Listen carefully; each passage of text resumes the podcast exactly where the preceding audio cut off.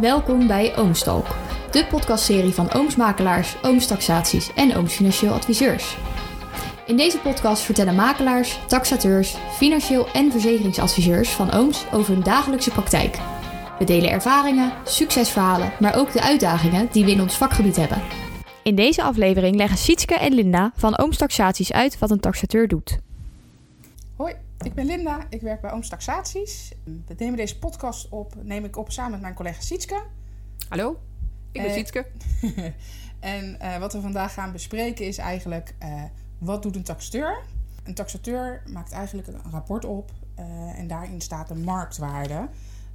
Maar wat is nu precies de marktwaarde eigenlijk?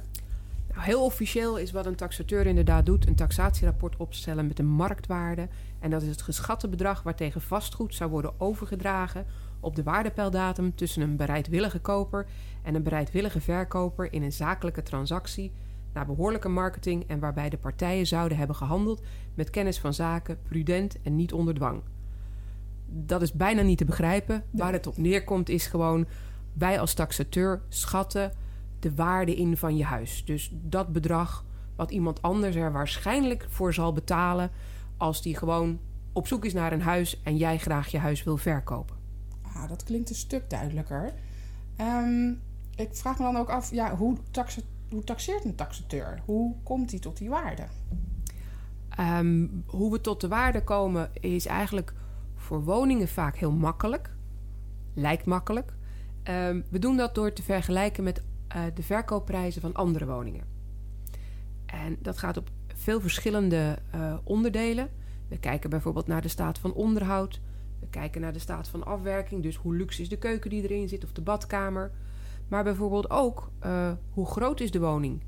Ehm, hoe groot is je buitenruimte? Heb je een heel klein terras of heb je een hele mooie grote tuin? Daar wordt naar gekeken.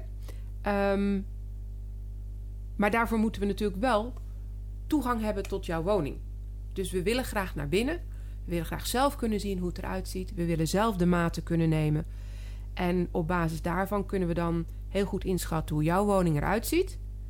En dan voor de woningen waar we hem even vergelijken, daarbij kijken we naar de informatie die de verkopende makelaars hebben aangeleverd. Wij zijn NVM-makelaar, dus wij kunnen kijken in het archief van alle andere NVM-makelaars. En daar zitten bijvoorbeeld per woning wel 30 foto's in. Dus we kunnen dan precies vergelijken hoe luxe is een keuken. Want de een vindt een keuken luxe als er een gasfornuis in zit. En de andere vindt een keuken pas luxe als er een eh, wijnkelder ingebouwd is. Dus aan de hand van die foto's kunnen we dat redelijk objectief vaststellen. Ehm, bijvoorbeeld de grootte van de tuin heeft ook te maken met het kadaster. Eh, we kijken in het kadaster precies hoe groot het perceel is. Maar dat betekent niet altijd dat dat ook de grootte van je tuin is. Soms komt het namelijk wel eens voor dat je een zijpad hebt en een achterpad. En juridisch gezien is dat jouw eigendom. Alleen in de praktijk loopt Jan en Alleman daar gewoon overheen. En wat we dan doen is we kijken hoe groot is echt je tuin. En dat kunnen we dan daar ter plekke opmeten. En dan vergelijken we hem weer met woningen die net zo'n grote tuin hebben. Want anders is het niet eerlijk. Nee, en dan klopt de waarde ook niet die Ja. je dan anders eh, op zou schrijven. En wat is nou een reden waarvoor je je eh, huis kan laten taxeren? Er zijn heel veel redenen waarom je je huis kunt laten taxeren. Wat het meest voorkomt is eigenlijk dat je een hypotheek op je huis hebt en eh, die wil je wijzigen. Dus naar een andere bank overstappen of je wil hem verhogen of je hebt een nieuwe woning gekocht en je wilt daar een hypotheek voor hebben. Als het inderdaad voor de hypotheek is, dan hebben eh, de banken in Nederland besloten dat de taxateur maakt het rapport op maar daarnaast kijkt iemand anders het na. En dat is het NWWI, het Nederlands Woningwaardeinstituut. En die valideert het rapport. En wat is dan die validatie precies?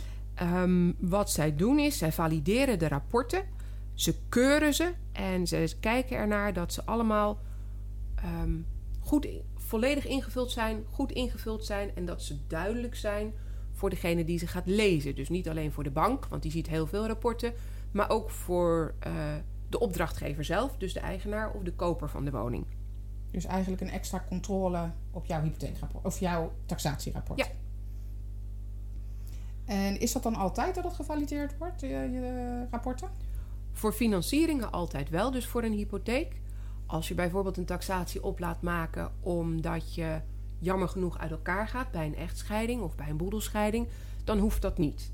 Validatie kost namelijk iets extra's. Het NWWI moet betaald worden. Dat zetten we ook apart op de nota. Ehm, maar het rapport wordt er niet anders van. Dus onze rapporten zijn eigenlijk precies hetzelfde zonder dat keurmerkje. Dus voor een boedelscheiding, een echtscheiding, hoef je het niet te laten valideren.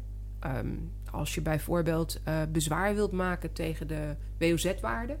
Oh, dat kan ook nog. Ja, ook dan hoeft het niet gevalideerd te worden. Of als er bijvoorbeeld sprake is van een erfenis, ook dan hoeft het niet gevalideerd te worden. Oké, nou, helemaal duidelijk. Dankjewel. Graag gedaan. Ik zou zeggen, tot de volgende podcast. En dan gaan we er wat meer op in uh, wat een full valuation is. Oh, ik ben benieuwd. Tot, tot dan.